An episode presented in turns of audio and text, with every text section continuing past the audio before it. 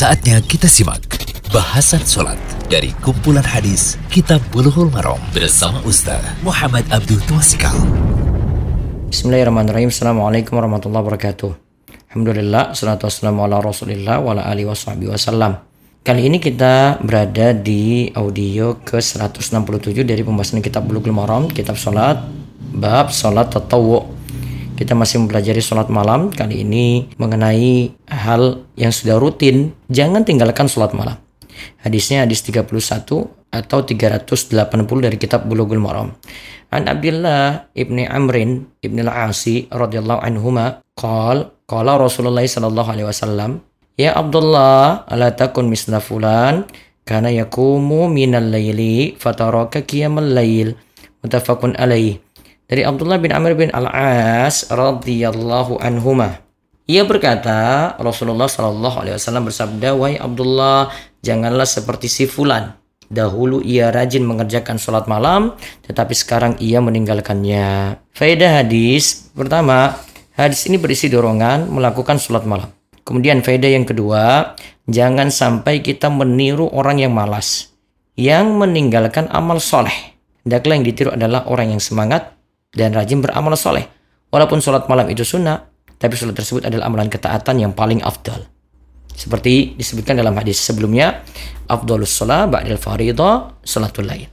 Sebaik-baik sholat setelah sholat wajib yaitu sholat malam. Kemudian Abdullah bin Amr bin Al-As yang poin ketiga ini ketika mendengar nasihat ini, ia akhirnya semangat ibadah. Ia rajin sholat dan semangat sholat tahajud. Sampai-sampai ia tak sempat tidur malam Kemudian Nabi Shallallahu Alaihi Wasallam menasihati kepada Abdullah agar bersikap pertengahan karena ibadahnya terlalu berlebihan sampai lupa untuk istirahat malam. Maka Nabi SAW memperingatkannya supaya bersikap tengah-tengah saja, ibadah ia, waktu istirahat juga diperhatikan. Kemudian faedah yang keempat, dianjurkan untuk menjaga amalan kebaikan dan ketaatan. Jangan sampai menganggap remeh, jangan sampai pula berlebihan. Jika seorang bersikap pertengahan dalam beramal, amalnya akan terus terjaga dan langgeng. Faedah kelima, hendaklah seseorang menjalankan ibadah pada malam hari sesuai kemampuannya. Ibnu Abdul Bar rahimahullah itu berkata, para ulama kaum muslimin tidaklah berbeda pendapat bahwa sholat malam itu tidak ada batasan jumlah rakaat tertentu. Sholat malam itu sunnah, termasuk kebaikan dan ketaatan. Ya, termasuk kebaikan dan ketaatan. Yang ingin mengerjakan sedikit silakan, yang ingin mengerjakan banyak silakan. Yang keenam, dimakruhkan memutus ibadah walaupun amalan itu tidak wajib.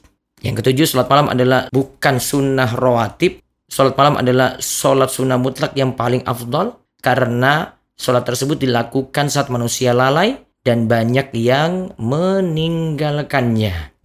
Lalu kedelapan, sholat malam pada akhir malam lebih afdol daripada pada awal malam. Karena sholat setelah bangun tidur malam lebih berat dan yang melakukannya itu sedikit. Lalu faedah ke-9 Imam Al-Mawardi mengatakan bahwa sebagian ulama menyatakan sholat tahajud itu lebih afdol daripada dua rakaat sholat sunnah fajar. Ini juga menunjukkan keutamaan dari sholat malam. Terus yang terakhir yang ke-10 dimakruhkan mengerjakan sholat malam pada seluruh waktu malam. Semoga jadi ilmu yang manfaat untuk kita semuanya. Semoga Allah beri keberkahan. Allah yubarik Demikian bahasan sholat dari kumpulan hadis Kitab Buluhul Marom bersama Ustaz Muhammad Abdul Tuasikal.